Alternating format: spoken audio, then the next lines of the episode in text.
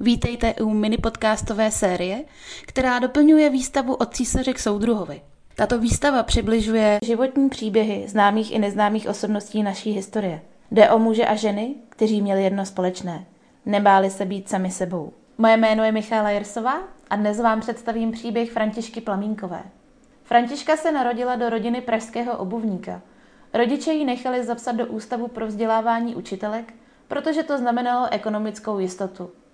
V 16 letech se zamilovala, ale protože tehdejší doba nařizovala učitelkám celibát, po absolutoriu se musela vzdát lásky ve prospěch své profese.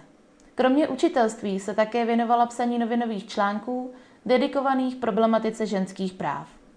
V listopadu roku 1905 založila s Fráňou Zemínovou výbor pro volební právo žen.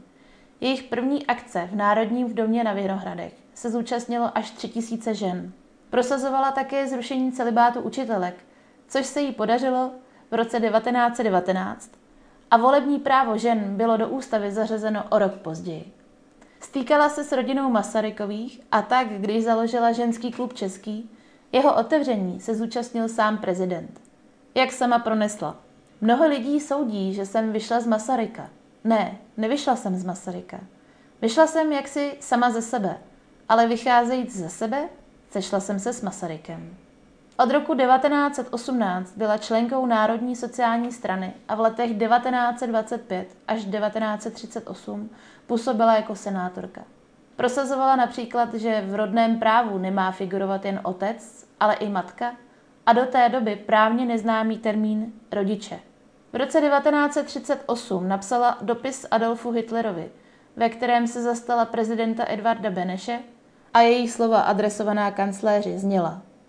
Jako poctivá demokratka považuji za svoji lidskou povinnost vám, pane kancléři, napsat tato slova s pevnou vírou, že i proti vojenské přesile pravda zvítězí. V roce 1939 legálně obdržela pas, mohla tak emigrovat a připojit se k ovlivňování československé politiky z exilu. Ona se ale rozhodla vrátit a být se svým národem.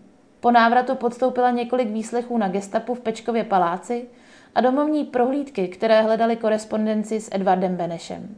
Byla opakovaně začena gestapem. Nejdřív ji vězili na Pankráci, pak byla převezena do malé pevnosti v Terezíně a roku 1942 byla popravena na kabulském popravišti ve věku 67 let.